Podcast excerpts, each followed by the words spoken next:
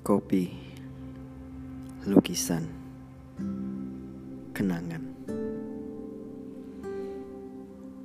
Lihat, tepat setelah lampu-lampu dipadamkan, kau menyala sebagai satu-satunya yang kurindukan. Di sini, di tempat yang paling kau hindari, aku pernah berdiri, menggores kata menulis warna. Pada ratapan panjang yang menguat dalam dinding kecemasan, aku mengisahkan kenangan di kepasrahan yang begitu lapang. Retak, berserakan, tanpa kediaman, terkoyak sepi, melayang di antara pekat aroma kopi. Dengar, tepat setelah jejak-jejak dilangkahkan, Kau menyapa sebagai satu-satunya yang kunantikan. Di sini, di peluk yang pernah kau nikmati, aku masih sendiri mencari kehilangan, menemui perpisahan.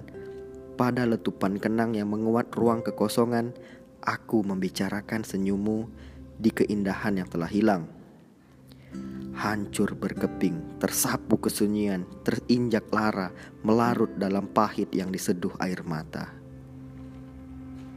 Tunggu, santailah sejenak, karena tepat setelah meja-meja ditinggalkan, kedai ini menyesak sebagai satu-satunya keterangan.